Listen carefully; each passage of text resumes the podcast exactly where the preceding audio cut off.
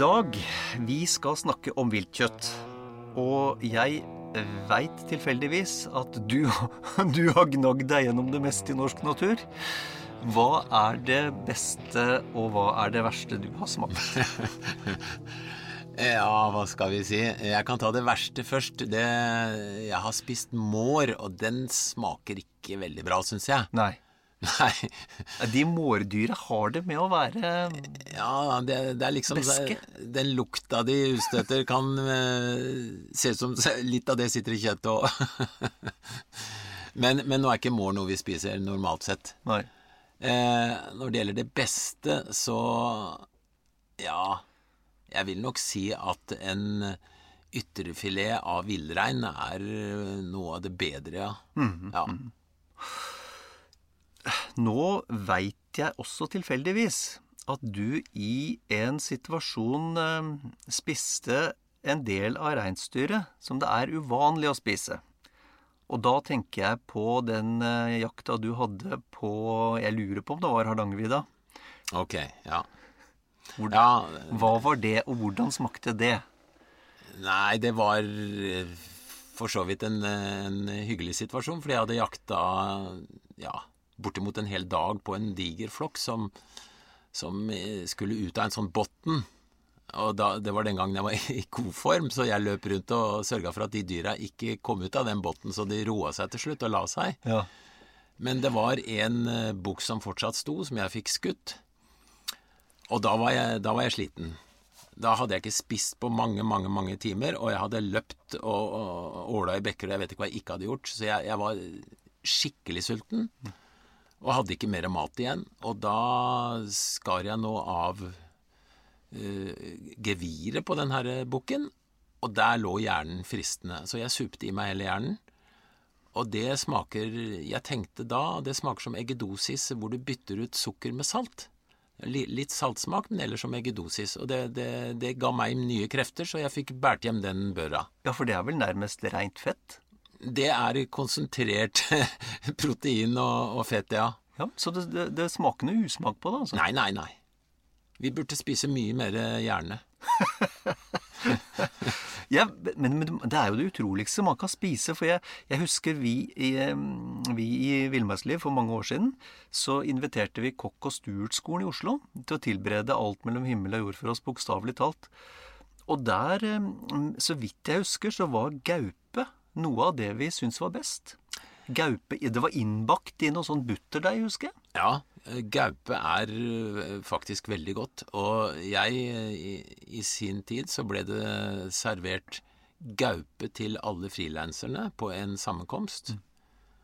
Og det var, det var lovlig skutte gauper, bare vel å merke, som var tatt godt vare på som kjøtt.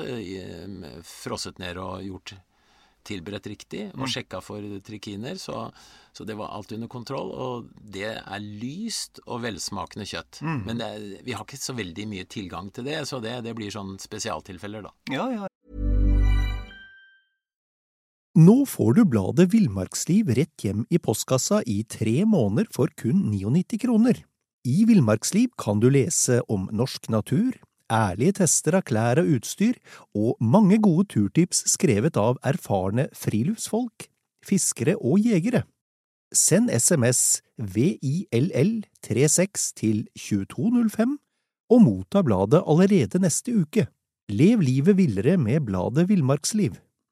Mom deserves the best, and there's no better place to shop for Mother's Day than Whole Foods Market. They're your destination for unbeatable savings, from premium gifts to show-stopping flowers and irresistible desserts. Start by saving 33% with Prime on all body care and candles. Then get a 15-stem bunch of tulips for just $9.99 each with Prime. Round out Mom's menu with festive rosé, irresistible berry chantilly cake, and more special treats. Come celebrate Mother's Day at Whole Foods Market. Det, men det er jo egentlig mye som kan spises. Det er ikke alt som er like godt, men det er mye som kan spises som, som tidligere var uaktuelt å spise. Bare sånn som eh, Altså, bever er jo ikke så pussig, men, eh, men, eh, men det er jo aldeles nydelig viltkjøtt. Ja, bever smaker jo litt eller, søtlig, kan du si. Og hvis den har spist mye osp, så smaker det faktisk litt osp. Mm -hmm. Eller så kan du ta hare som nordpå ikke ble spist før ja, det var kanskje på slutten av forrige århundre man begynte å tørre å spise hare omtrent. Det var uhørt å spise hare mange steder, men så har man, iallfall mange, da skjønt at hare er faktisk veldig god mat. Mm -hmm. Og så er det en del viltarter som har et eller annet ved seg som gjør at, at dette byr folk imot. Og der husker jeg at jeg som ivrig 15-16-åring hadde skutt noen kråker. Og kjempestolt som jeg var, så flådde jeg dem og skulle lage eh, gryte, selvfølgelig. Og alle gleda seg, eh, helt til jeg fortalte hva det var. Ja, og da var det bare jeg som spiste den kråka. Eller de kråkene. Du må ikke fortelle hva de spiser bestandig. Nei, men er ikke det rart? Jo, det er, det, det er fordommer, og utseende, det betyr mye. Mm. Det er helt klart. Det, folk liker bedre en laks som er rød i kjøttet, eller, eller ørret som er rød i kjøttet, da, eh, enn en som er hvit. Så, så, det er en del sånne ting som kommer inn. Men, men tradisjonelt sett så, så, har man jo ikke sett på alt uh, vilt som mat kråke kan spises, helst ungkråke, da. Mm, og så skal vi ta forbehold med, med, at noen kråker roter på fyllinger, og at det da kan følge med ting som ikke er så bra. Ja, ja. Men, men, eh, i utgangspunktet så er kråke mat, og måke òg, for den saks skyld. Ja, jeg husker jo med glede Det var også en sånn spise, spisesammenkomst vi lagde for noen år siden hvor, eh, og da skulle vi teste fuglevilt. Ja. Og da husker jeg at det var overstrø... Det var, det var anonymt, eller ikke anonymt, men vi hadde selvfølgelig ikke sagt hva det var folk spiste. Og det var overstrømmende og bred enighet om at akkurat måke var den, eh, var den beste fugleviltet. Ja, det var det den var, gangen det var lov å skyte måke. Vel, det var helt ja. riktig. Ja da, dette er noen år siden.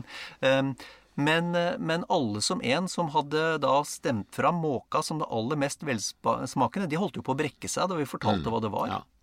Nei, men vi har fordommer, og du kan si de aller, aller fleste fugler er jo spiselige. Jeg kom en gang over en vepsevåk som eh, hadde kjørt Hva kjørte jeg da? En bil eller et eller annet? Mm.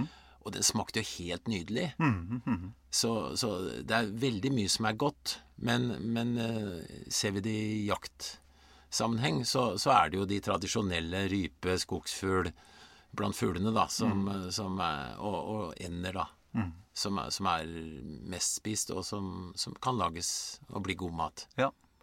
Det eneste det forutsetter for at det skal bli god mat av det, det er jo at det behandles riktig fra det er skutt og til det serveres. Og der eh, har vi fått tak i en som har både skutt og spist og kan mer om eh, vilt og viltkjøtt enn de fleste. Vidar Holte, du er lidenskapelig opptatt av jakt. Du har jaktet i hele verden, vært utmarkssjef i Norges Skogeierforbund, du har vært viltforvalter på Grønland, du har jobbet i daværende Direktoratet for vilt- og ferskvannsfisk, og du er glad i godt kjøtt. Først, Vidar, hva er det som skjer med, med kjøttet når viltet dør? Da er det en muskel, og det er mye liv i den muskelen etter at dyret er dødt. Noe av det er ønsket, noe av det er ikke ønsket. Og eh, det ønskede er at eh, det som er av blodsukker, skal få lov å forbrenne i en ufullstendig forbrenning til melkesyre.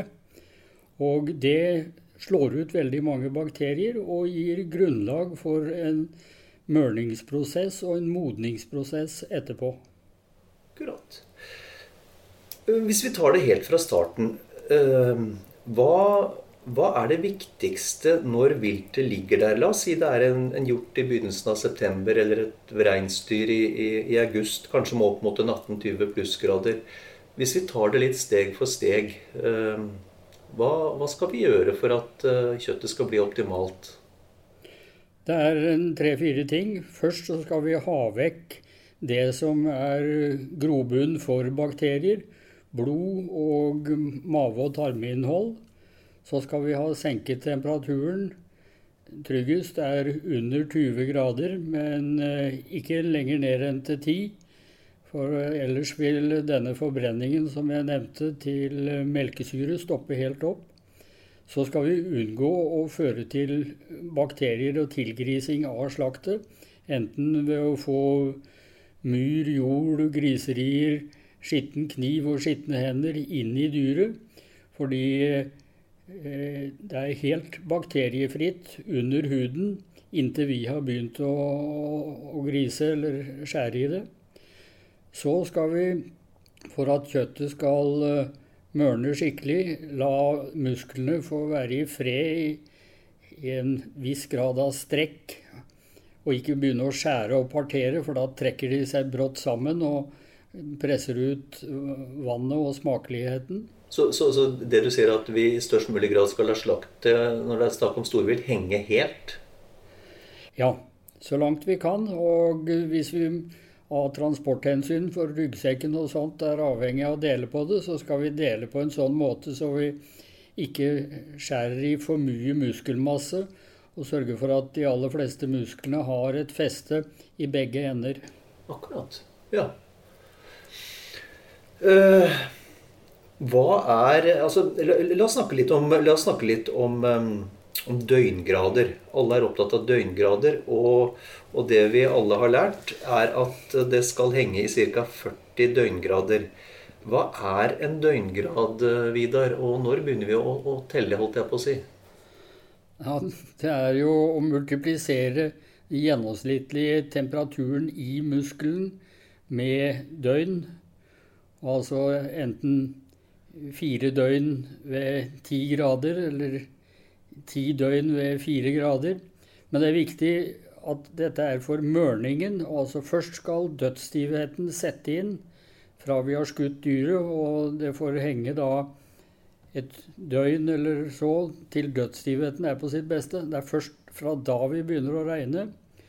Og hvis vi skal Eller 40 døgngrader er ikke entydig Mørkt kjøtt med mye aktin, det krever lengre tid. Så det er riktigere å mørne i ti døgn ved fire grader enn å gjøre det ved fire dager og ti grader. Men det er ikke alt kjøtt som trenger mørning. Selvfølgelig noe kjøtt Det er musklene som blir mer tyggevennlige når de får en lang prosess. Mens eh, bindevevet, som er i en del muskler, mye i forparten og mye på eldre dyr, det skjer ikke noe spesielt ved. Men det ene er mørningen, det andre er modningen. Akkurat som god ost og god akevitt, så må den lagres en god stund. Og da er det en del proteiner som omdannes til og bidrar til veldig smakshevinger. Men så kan du klart overmørne òg. Vi ser jo en del fine restauranter som har eh, tørrmørning, altså har et kjøleskap stående i restauranten så gjestene får se det, hvor entrecôte og annet får lov å ligge og ha det veldig tørt og bakteriefritt. Vi kan gjøre det relativt bra hjemme med vakuumering og, og ha det i kjøleskapet de nødvendige grader, og da sørge for at det ikke skjer noen fordervelse av det. Men det går an å overmørne, og særlig rådyrkjøtt. Etter en tid så vil det utvikle rett og slett leversmak. Jeg spiser gjerne lever, men da skal det være lever og ikke filet. Ja, for det, det har jeg også opplevd både på rådyr, men også på reinsdyr, faktisk. Ehm, at det har hatt det hengende så lenge at det har utvikla en klar leversmak. Og, og, og da syns jeg på en måte noe av kvaliteten er forringa. Ja. Og du mister også teksturen. Altså du tar det helt med gaffel, behøver ikke. Altså når man får biffkniv med sagtenner, da blir jeg alltid skeptisk. Men jeg vil gjerne ha sånn at jeg bruker en kniv for å dele opp. Mm. Nei, det, det, går an å overmørne. Det gjør det. Noen, men noen kjøtt er mer utsatt enn andre, og da kanskje rådyr spesielt jeg tenker litt på det her med den, den mørningstida uh, og de, de, 40 gradene. Um, og, og noen, snakker om, noen, snakker om, veldig mye mer enn en 40 grader. Noen, jeg har hørt folk snakke opp i både 100 og 120. Um, Men, men, men uansett hva man, hva man, velger å lande på, hva er det viktigste å følge med på underveis i modningen? Hva er på en måte, på en måte det viktigste redskapet for å holde, holde, styr på modningsprosessen? At den ikke går for langt? Det er din egen nese. Så definitivt. Ja. Og ikke all verdens sånne temperaturmålere og tellere. Det går an å gjøre like bra med en liten notisbok, men det er nesen som er det beste og følge med på det, hvordan man vil ha det. Men husk altså, vi gjør ofte en, en, en feil ved at vi, når vi skal dele jaktlagets utbytte, så står det en mannfolkgjeng og, og, og skjærer ned hele skrotter og tar hånd om fileter og biffer og steker og sånt, mens produksjonskjøttet som skal kvernes, det ligger i godt, varmt rom hele dagen. Og når man vel er ferdig med alle de edlere deler, så kommer produksjonskjøttet som da har fått blitt overmodent og har dårlig bindeevne. Vi burde egentlig begynne i den motsatte enden og skjære ned produksjonskjøttet med en gang dødsstivheten har satt seg skikkelig. Da er det bindeevne i det, og eh, smakskvaliteten, tyggekvaliteten, er der. Det er ikke uten grunn at uh, Mattilsynets hygieneregler for kjøtt sier at produksjonskjøtt skal være skåret ned senest seks dager etter slakting, uansett hvordan det er. Og at for produksjonskjøtt så skal det ned i fire grader. Mens eh, modning og mørning av hele kjøtt, hele slakt og kjøttstykker, da skal temperaturen i det rommet vi oppvarer det, være under syv grader. Det sies ikke noe om når, hvor fort etter slakting det skal ned dit, men det skal under syv grader og under fire grader. Men, men, la oss bare slå fast sånn med, med en gang at det å la malekjøtt henge er bare tull. Ja, du ødelegger det. Da må du spe på med potetmel da, for å få det til å henge skikkelig sammen. Nettopp. nettopp. Ehm, I forhold til de ulike delene, edlere delene av, av viltet, er det, er det, noen deler som trenger lengre modningstid enn andre? Eldre dyr og, og, dyr med mørkt kjøtt trenger en lengre øh, mørnings- og modningstid. Men øh, her er det jo da varmebehandlingen etterpå, og hvor vi håndterer bindevevet på en riktig måte. Altså når vi bringer temperaturen opp, så blir selve kjøttet, selve muskelfibrene, tørrere og tørrere. Og det skjer noe rundt 70-72 grader.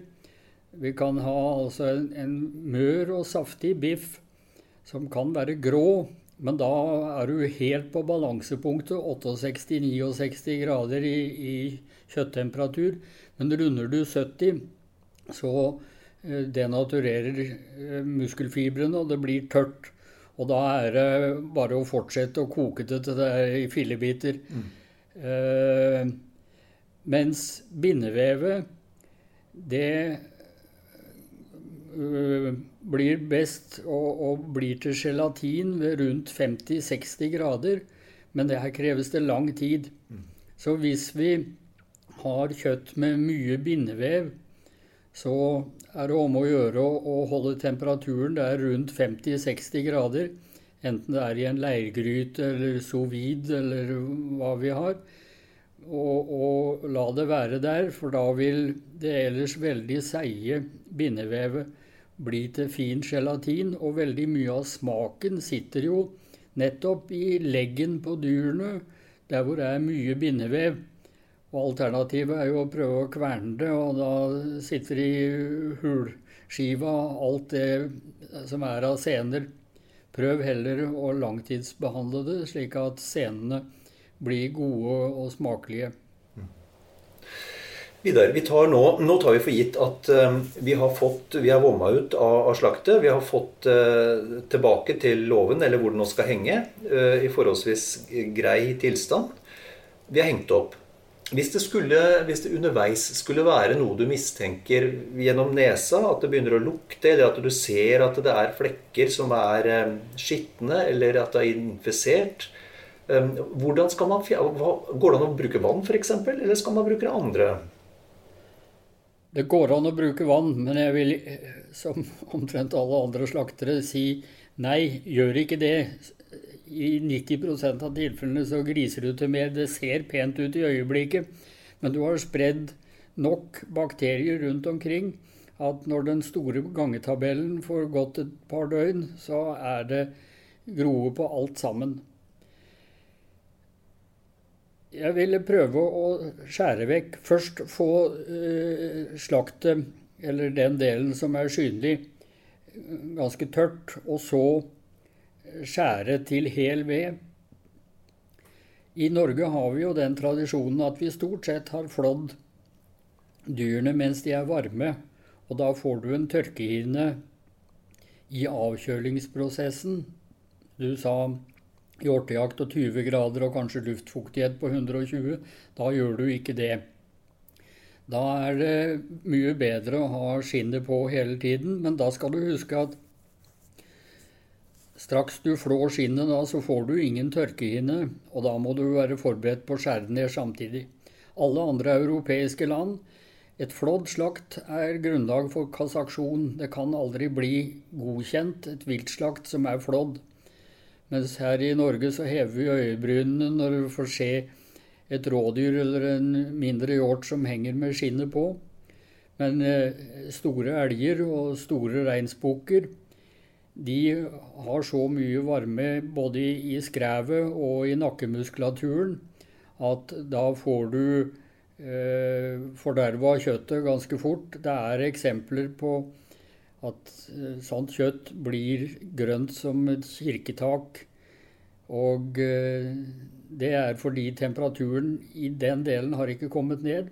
Utfordringen er jo også eh, vinterstid når det er ti blå på dyr som skytes i november måned, at man er redd for at kjøttet skal fort bli altfor kaldt. Og gjennomgående er det utfordringen, men husk da stadig hvis det ligger på bakken og det er en stor elgokse i skrevet, i krysset og uh, i nakken, så kan temperaturen stadig holde seg altfor høy.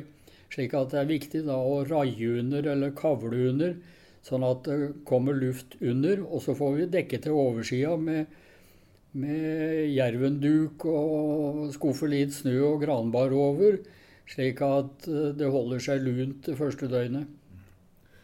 Et eh, eh, var innom Vestlandet og, og, og Hjorten når det er utfordring med høy fuktighet. Det er da et praktisk råd for deg og meg, men som ikke må brukes øh, for dyr som skal kontrolleres av Mattilsynet. Men det er å flå det og bruke enten en blåselampe eller en skibrenner og blåse på det så du får en, tørr hinne utapå det. Da tåler kjøtt veldig mye håndtering etterpå.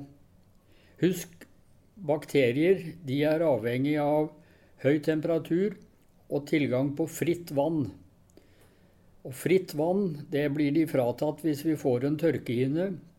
Hvis vi får veldig mye salt på det. Salt dreper ikke noen bakterier i det hele tatt, men de suger til seg såpass mye av fuktigheten at det blir for lite fuktighet til at bakteriene kan formere seg.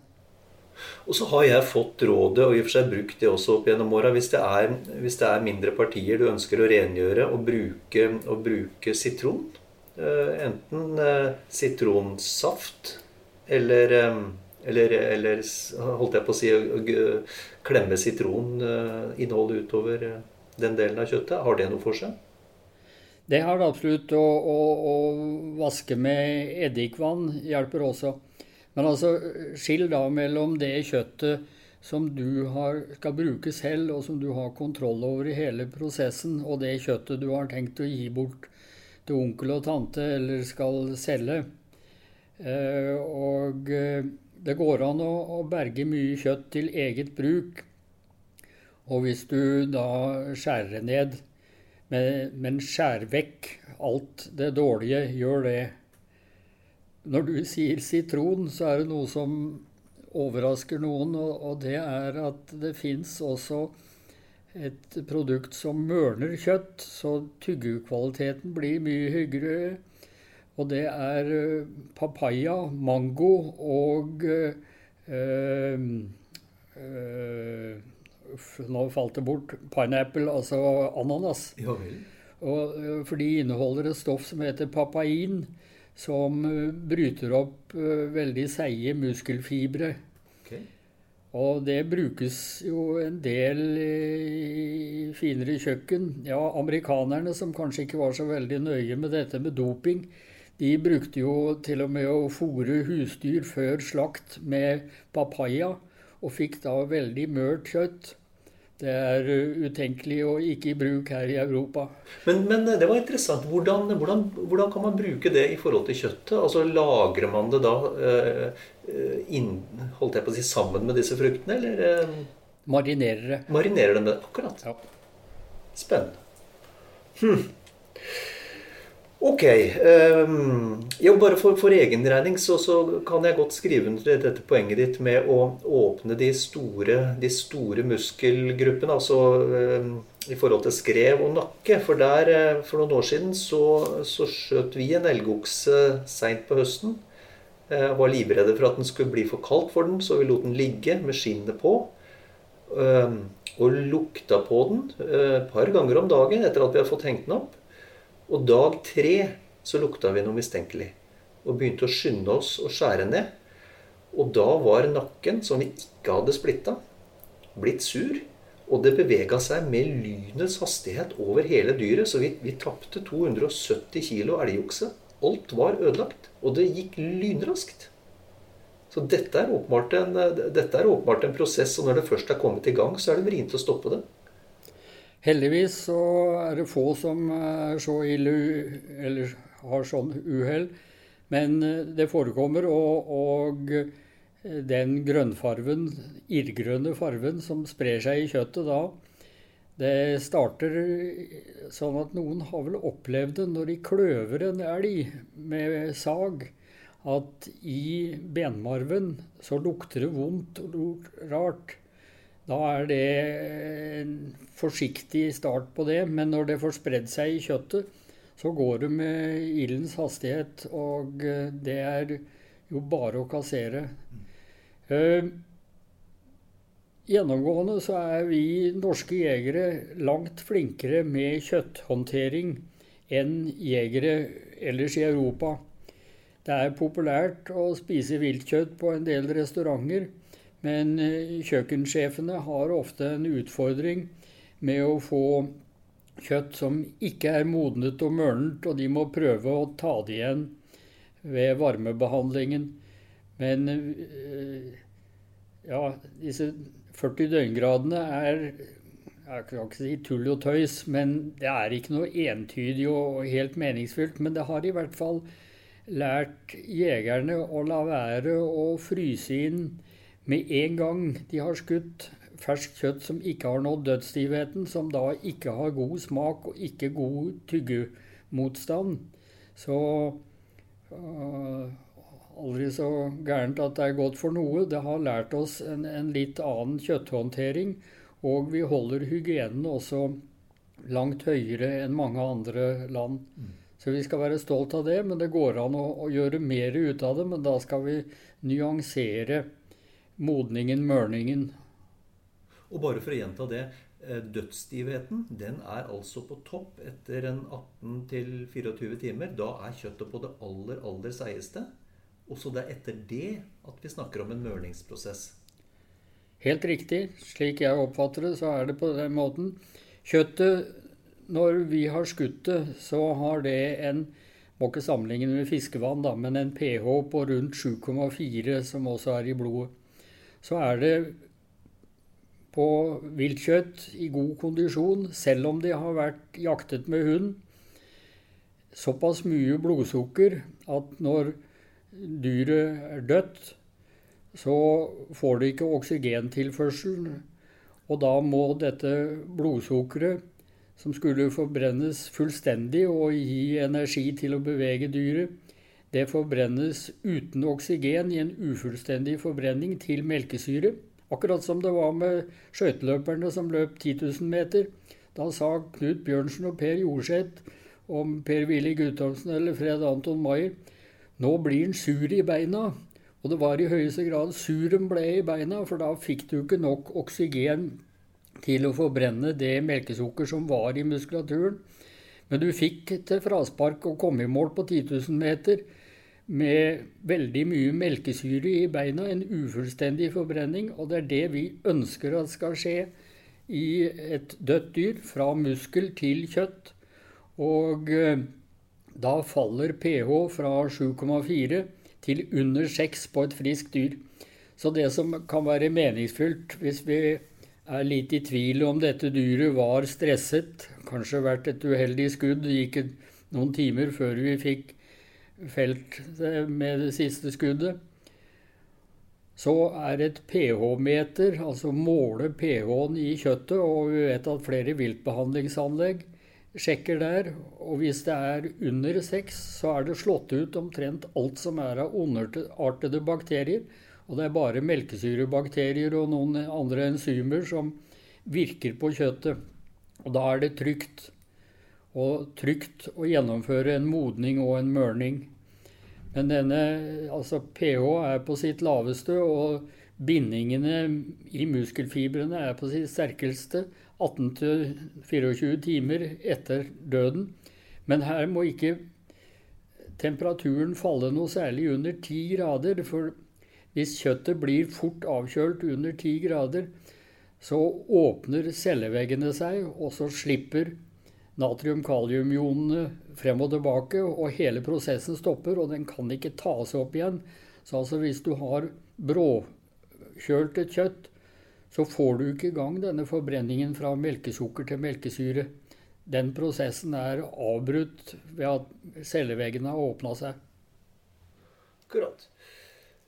Så hvis vi skal oppsummere litt sånn eh, så langt videre, så er det altså eh, viktig med, med renslighet få, få kontroll på, på, temperaturen i kjøttet. Eh, eh, tidlig på sesongen få den ned. Ehm, følge med på modningen. Modningen, De 40, de 40 døgngradene, eller døgngradene man, man, teller, de starter vi å telle etter at, etter at slaktet er kaldt. Følge med daglig. Lukte på viltet. Bruke nesa. Og, og, og, og skjære det ned når når du etter din oppfatning er optimalt. Og bare for å ta det, eh, Vidar. Hvordan skal godt kjøtt lukte? Hvordan skal det ikke lukte? Det skal lukte friskt mm. og ikke surt. Ja. Det skal jo ikke lukte brunst, da, men, for det er noe helt annet. Men uh, bruke nesen og, og, og, følge med i det når du har det hengende. Og så går det an å spise viltkjøtt uten at det har vært frosset i fryseboksen og, og ligget innpakket i lang tid. Hvis man har vært heldig og, og skutt et pent dyr, så hvorfor ikke ringe og, og, invitere venner og familie til et bedre måltid? Ferskt kjøtt som ikke har vært frosset en uke eller 14 dager etter at man har hatt den hyggelige jaktepisoden. Mm. Vi må også snakke litt om, om, Vi er fremdeles på storvilt. Vi må snakke litt om det som skjer seinere på høsten. For da er, da er utfordringen litt annen. Hvis man har skutt et storvilt, la oss si i fjellet i midten av november, 10-15 minus, sur nordasno, hvilke utfordringer står vi utenfor da, eller overfor da? Nei, det er jo, Jeg har så vidt vært innom det, at det må ikke bli for fort kaldt. Og da må vi pakke det inn på en eller annen måte og, og få det Om vi ikke får det i hus, så få det innunder noen trær. Det er Eh, mye hyggeligere temperatur når du slipper utstrålingen mot en blå himmel. Og kan vi da pakke det ned med en eh, jervenduk, med noe granbar, furubar, eh, skuffe litt snø over, så er det nokså viktig. Og eh, også det vi har vært vanlig, at man har hatt, hatt en hyggelig hare- eller rådyrjakt. I stolthet hang haren eller rådyret utapå vedskjulveggen og, og, gikk inn, og det var 20 blå i løpet av natta, da har man ødelagt mye. Og hva, og hva er det som skjer med kjøttet når det, når det kjøles ned for raskt? Ja, du får en kuldeforkortning, og så, altså, som jeg var innom, så slipper eh, celleveggene. Og da eh, det er en, en, liten spenningsforskjell mellom ytre og innersida av en cellevegg. Og en natrium-kaliumpumpe som går og holder det ved like. Og det er en forutsetning for enhver forbrenning. Eller, og, og, og, den eh, brytes når det kjøles under en ja, ti grader. Og det kjøttet, og det er jo en del kjøtt hvert år som, som, som blir utsatt for kuldeforkorting, det er jo ikke sånn at du må kaste det. Men, men, det er en del begrensninger i forhold til bruk. Og hva kan man bruke, hva bruke kuldeforkorta kjøtt til? Man kan bruke det til produksjonskjøtt. Men altså, en skal huske det at det kjøtt Maling, med andre ord? Ja. ja. En eller annen form for, for kverning, eller øh, Ja. Men en skal huske det at det kjøttet er ikke trygt for bakterieangrep fordi pH da stadig er eh, rundt 7, og her trives veldig mange bakterier. Så, så, det er ikke bare at vi ikke får i gang en mørningsprosess etterpå, men det er veldig utrygt for et bakterieangrep. Mm.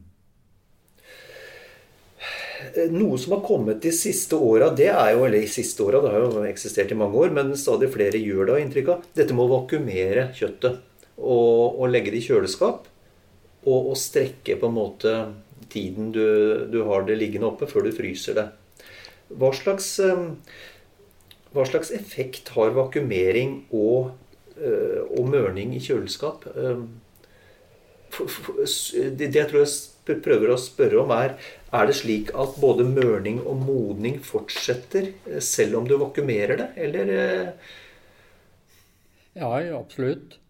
Og da er det trygt hvis det har vært hygienisk og bakteriefritt når du har lagt det inn. Så kan du følge med.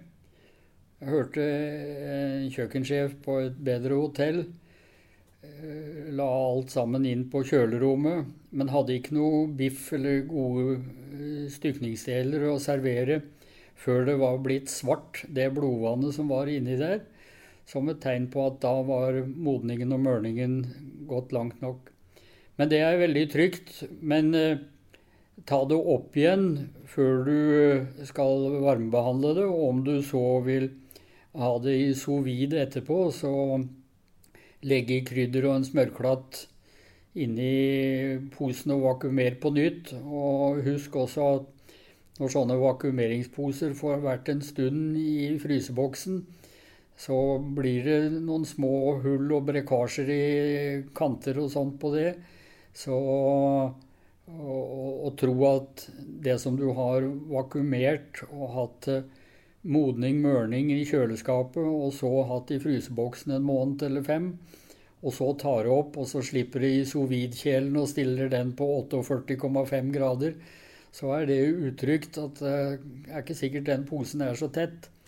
Så selv om poser koster noen få kroner hver seg, så Eh, ta tid og, og, og gjøre det. Men modning, mørning i vakuumposer i kjøleskap eller kjølerom er eh, absolutt trygt. Og det er både modning og mørningen eh, skjer til fulle. Men, men, men, her er det vel viktig å da holdt jeg på å si, ha litt, uh, ha litt magemål. fordi da mister du, du mister det viktigste redskapet ditt, uh, nesa, og, og, den biten i forhold til å følge med på, på kjøttet. Da. Så det er, vel, det er, vel, en viss risiko for at det kan gå for langt hvis man er for dristig. Absolutt. Og som den samme hotelldirektøren sa, det var at uh, la aldri noe kjøtt inn i, i vakuumposer hvis pH var over 6,0. Jeg måtte være sikker på at det var under 6,0 når det ble lagt inn. Det som var over, det ble grønt. Men svart var en ønsket farve på blodvannet inni posen. Er et sånt pH-mål er det noe som er eh, Er det viktig å anskaffe seg? Nei. Hvis du har en vanlig nese og ser oss, så er det godt nok for de aller fleste av oss. Ehm, en siste ting jeg tenkte vi skulle snakke om i forhold til storvilt, det er jo jo reinsdyr og brunst. Eh, og, og den De fleste kjenner jo til den aldeles frastøtende brunstsmaken det, det går i reinsbukker litt uti, ut september. Hva er det? Og den type brunstsmak, finner vi, finner vi den også i andre typer storvilt i Norge? Nei, stort sett gjør vi ikke det. Det er noen dyrearter som uh, i brunsttiden så går det en del urinstoffer i blodet. Nå får du bladet Villmarksliv rett hjem i postkassa i tre måneder for kun 99 kroner. I Villmarksliv kan du lese om norsk natur, ærlige tester av klær og utstyr, og mange gode turtips skrevet av erfarne friluftsfolk, fiskere og jegere. Send SMS VILL36 til 2205 og motta bladet allerede neste uke. Lev livet villere med bladet Villmarksliv. Hey, it's Danny Pellegrino from Everything Iconic. Ready to upgrade your style game without blowing your budget? Check out Quince. They've got all the good stuff shirts and polos, activewear, and fine leather goods, all at 50 to 80% less than other high end brands. And the best part? They're all about safe, ethical, and responsible manufacturing. Get that luxury vibe without the luxury price tag. Hit up quince.com slash upgrade for free shipping and 365 day returns on your next order. That's quince.com slash upgrade. På fint latin skatol og andostenon. Det samme har de jo problemer i en del svinebesetninger, at det er et og annet svin som får brunnsmak. Og det går med blodbanene rundt i hele skrotten. Og disse urinstoffene, straks du varmer litt på de, så blir det en veldig kvalmende lukt. Og det er ikke noe å gjøre med eh, moderate mengder, så kan du klare deg kanskje som spekepølse og, og, og spekalår. Eh, og spiser det kaldt når det er tørt. Men eh, i større eller mer i brunsttiden, så er de ikke anvendelig for folk i det hele tatt. Eh, geiter og en del villsvin, slett ikke alle, får noe av det samme. En elgokse eller en hjortebukk midt i brunsten er det jo to ting. Det ene er at eh, de skvetter på seg sjøl. Og skal du ta ut av en sånn kronhjort, så er det å, å, å, være forsiktig og skjære ut en real siklesmekke under og brette den til side. For det er en sånn klissete sak, og det blir kontaktsmitte som, som, gjør at det smaker vondt i, i buklist og, og, som må skjæres vekk. Men det sitter ikke i kjøttet rundt omkring. Det andre er at store hanndyr spiser lite i brunsttida og eh, kan ha litt lite blodsukker da. Vi har én ting til. Det er ikke så mange som bruker lever, men er også noe som heter brunstlever. At i en tid hvor du forbrenner veldig mye fett, så eh, skjer den fettforbrenningen i uh, leveren, som da ikke lenger er den uh, flate, skarpkantede brune leveren, men den er gullig og tjukk og svullen. Det er eh, brunst og har ikke noe sykdomstegn eller noe sånt, men den er, og, eh, den er veldig løs i teksturen. Den er jo ikke noe stas å spise da. Men brunstsmak på reinsdyr er det ikke noe å gjøre med, annet enn at du får la være å skyte på sånne dyr som står og er krumme i ryggen i slutten av reinjakta. Hva med småvilt, eh, Vidar? Hva er viktig å tenke på her? Vi, vi snakker jo om småvilt som én stor gruppe, men det er vel litt ulike behov i forhold til enkelte typer fugler og andre småvilt? I høyeste grad. Når jakta begynner for de fleste 21.8, enten det er duer eller stokkender eller krikkender, og det er skikkelig varmt i været hos disse planteetende fuglene, eller eh, spiser mye grønt fôr, så kan du fort få en forråtnelse i magen på de. Samtidig så skal vi holde fluene unna. Og da er det å kroke ut viltet der og da Altså å spikke til en liten kvist med en mottaker på som du trer inn i endetarmsåpningen, vrir to ganger rundt og drar ut, så får du ut veldig mye av blindtarmsekkene og den plantemassen som er inni, uten at spyfluene slipper til. Og så når vi kommer hjem, få lagt i kjøleskap eller utover gulvet i kjelleren hvis det er kaldt. I hvert fall ikke stable det. Så da har vi den samme utfordringen som å skyte rådyrbukker tidlig i august. Rypejakta er stort sett grei. Rypekjøtt, en viss grad villreinkjøtt, har så mye askorbinsyre i muskulaturen, akkurat som tyttebær har, så den har en helt annen holdbarhet. Og eh, er stort sett uproblematisk, men det kan være greit å putte det inn i ryggsekken med en avis rundt, og ikke la det henge til skryt utapå hvis det er kaldt vindvær og flere minus.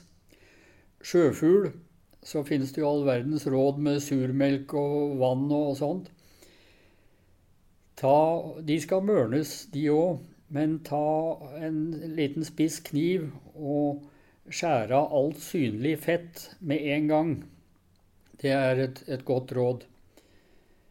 Enten det er skarv eller det er dykkender. Så hvis man får plukket av det, så er det med, med surmelk og, og vanning og, og sånn mye mindre aktuelt. Det er det synlige fettet som du skal ta pelle vekk. Det var vel eh, småvilt veldig raskt. Eller så har vi jo den norske tradisjonen med harer, at det skal stappes granbar inn i bukhulen på de, og en liten åpning som mulig. Og da pleier jo ofte å sitte et og annet hagl som har gått gjennom buk eller brysthinner, og, litt hull på noe der. Men eh, ved å spille de ut med granbar eller einebar, så får du en, en eh, avkjøling, en eh, opptørking og mye friskere lukt til du håndterer dette hjemme. Men andre land har jo hatt den tradisjonen at uh, hvis man jakter i Danmark, så henger harene til de er grønne som kirketak før man rører de, og det er ikke viltsmak, det er usmak. Ja. Men, men, men, ellers i forhold til småvilt, gjelder de akkurat de samme reglene der? At vi, vi opererer med det pluss plus minus 40 eh, døgngradene, og at man hele tida bruker nesa for å følge med på Du nevnte at, at ryper var et unntak, likhet med reinsdyr, som tålte muligens lengre, en god del lengre lagring. Men, men, bortsett fra det, er det samme, samme prosedyre som i forhold til storviltslakt? Noe av det samme, men det er jo for de fleste artene et lysere kjøtt som da krever akkurat som Nå slakter vi jo svin når de bare er noen måneder gamle, men, men lyst kjøtt, mye myosin og lite aktin, krever ikke den lengden på mørningstiden. Men noe mørning kreves der òg. Men eh, hvis vi skal få utnyttet til fulle kvalitetene, spisekvalitetene i småvilt, så bør vi jo for de fleste arter dele på de, slik at brystkjøttet som trenger veldig lite varmebehandling, og som i ja, nesten alle tilfeller med fordel kan stekes rosa, mens de andre delene har mye mer bindevev. Og enten de havner i sausen eller som små frikadeller, eller, eller de eh, anrettes på sin måte, krever mer varmebehandling, så burde de også fått egentlig litt lengre modnings- og mørningstid, men eh, det er jo ikke så aktuelt. Men ja, kortere tid, bortsett fra rypa som gjerne skal ha 80 døgngrader. Mm. Men da selvfølgelig med fjæra på. Mm. For vi snakker jo Jeg sitter og tenker på det, eh, Vidar. Vi, vi snakker jo om en fantastisk råvare her. Altså Vi snakker om økologisk, kortreist, velsmakende Det er en aldeles fantastisk råvare vi skal eh, forvalte og ta vare på får lov å arrestere deg på én begrepsbruk, og det var økologisk. Ja. For det har en definisjon at det er en produksjonsform. Her er det naturlig og, og kortreist og naturnært, ja. men det er ikke økologisk. Det var som uh, diskuterte med noen om laks og lakseoppdrett, og prøvde å snakke om villaksen som økologisk, men det er bare oppdrettslaksen som kan være økologisk, siden det er en produksjonsform. Men eh, for egen del og for familiens del så er jo dette noe vi setter pris på, kvalitet og sånn. Men jeg tror for jaktens fremtid og renommé så er det veldig viktig at vi viser at her tas det vare på kvalitativt gode produkter, og gjerne gjøre de tilgjengelige for oss ikke-jegere. Og eh, at eh, noe av det beste forsvar for jakt som aktivitet er byttemotivet og en god tilvaretagelse av byttet. Mm. For jeg spør deg, Hva er det aller beste viltkjøttet du spiser? Det er nok rådyr. Og da ytrefilet, tror jeg. Akkurat. Men jeg syns jo utfordringen er å, å, få gode smaksopplevelser av eh, på å si annensorten. Altså det som ikke er biffer og, og stykningsdeler.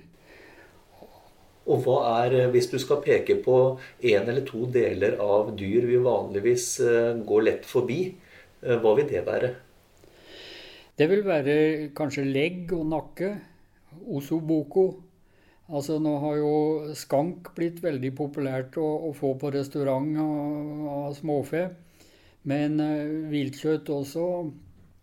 Nakke og skank. Og, og om man ikke spiser benmarven, så La beina følge med i eh, gryta, panna sånt noe, og sette den gode smaken. Og så får den som har lyst, spise det, og andre får lov å la være. Her vil jeg for egen regning eh, skyte inn tunga. Tunga er undervurdert, syns jeg.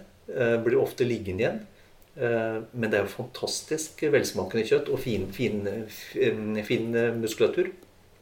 For all del. Jeg er så heldig at jeg har ansvaret for å drive kontroll under elgjakta med kjever og se at de har skutt riktig dyr. Og da tilkommer det meg en hel del elgtunger. For det er ikke alle som vet hvor godt den er.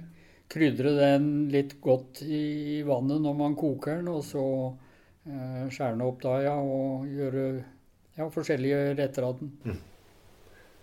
Tusen takk for praten, Vidar. Jeg ble sulten, jeg.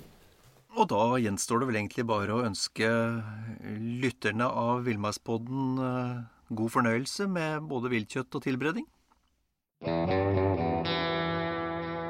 Kort og godt mat og drikke på tur. Dag, mat er godt, drikke er viktig. Eh, hva er det viktig å tenke på når vi, når vi er ute på, på tur? Ja, Det er å, å, tenke at det er noe helt annet enn et daglig, i verste fall kontorliv, ja. hvor du er sløv og ikke bruker kroppen. Ja. Eh, det er enorm forbrenning som skjer når vi går og bærer en tung sekk opp ei bratt li i forhold til om vi ikke beveger oss. Ja. Og det krever at vi må tenke litt mer på hva vi putter i munnen. Ja. Det er bare sånn for uh, min bestefar av tømmerhugger.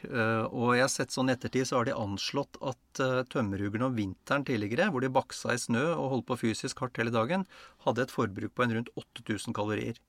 Vanlig, rolig, rolig tur i løpet av en dag i, i, fjellet uten noen spesielle anstrengelser regner man en 3000-4000 kalorier. Så vi snakker om mye, mye forbruk av energi her, som må erstattes. Ja, jeg, jeg, tror mange vanlige turfolk de tenker ikke så mye på kalorier, men de, de, bør vite, og vet sannsynligvis også, at du må tenke litt annerledes på måten du spiser og, og hva du spiser. Altså spise litt oftere enn ellers, mm. Og kanskje spise litt med, med, tanke på hva vi putter inn. Mm -hmm. Og så er det vel et sånt anerkjent eh, råd i forhold til turliv at uh, ca. en tredjedel av det du har tenkt å ha i deg i løpet av, dagen av kalorier, det bør du få inn i, i, i, frokosten.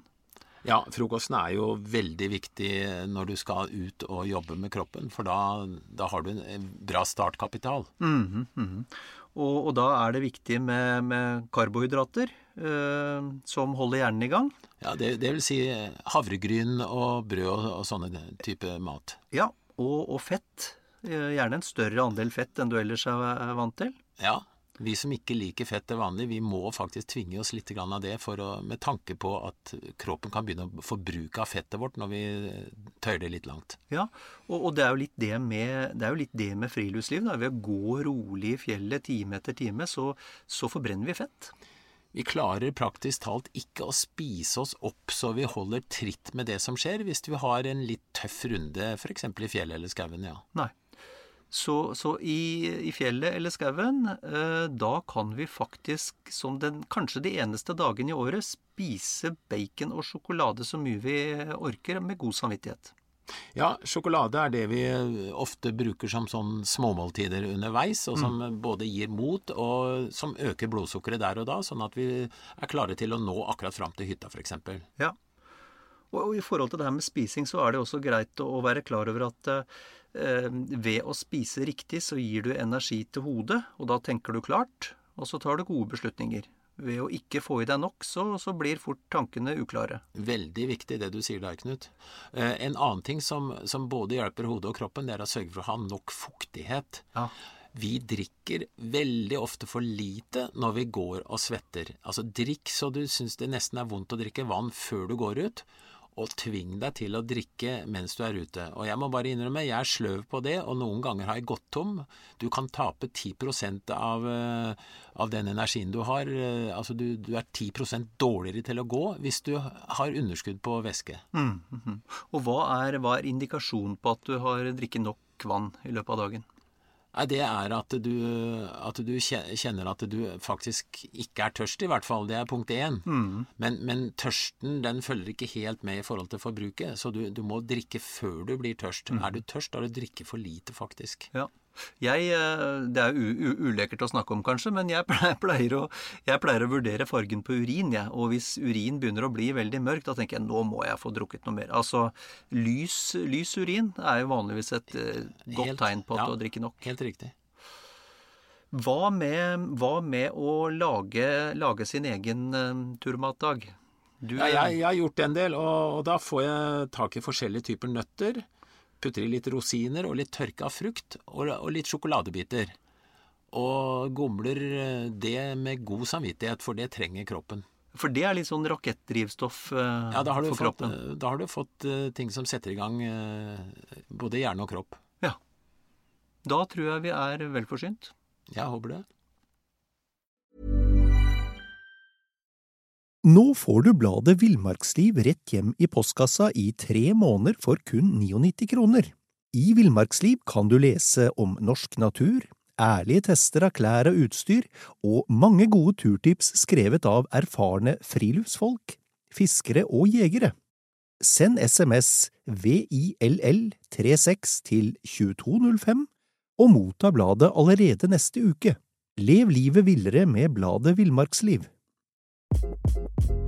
Hi, this is Craig Robinson from Ways to Win, and support for this podcast comes from Invesco QQQ, the official ETF of the NCAA. The future isn't scary. Not realizing its potential, however, could be. Just like on the recruiting trail, I've seen potential come in many forms as a coach. Learn more at Invesco.com slash QQQ. Let's rethink possibility. Invesco Distributors, Inc. Hi, I'm Daniel, founder of Pretty Litter. Did you know cats tend to hide symptoms of sickness and pain? I learned this the hard way after losing my cat, Gingy. So I created Pretty Litter, a health monitoring litter that helps detect early signs of illness by changing colors, saving you money and potentially your cat's life. Pretty Litter is veterinarian developed, and it's the easiest way to keep tabs on your fur baby's health right at home. Go to prettylitter.com and use code ACAST for 20% off your first order and a free cat toy. Terms and conditions apply. See site for details.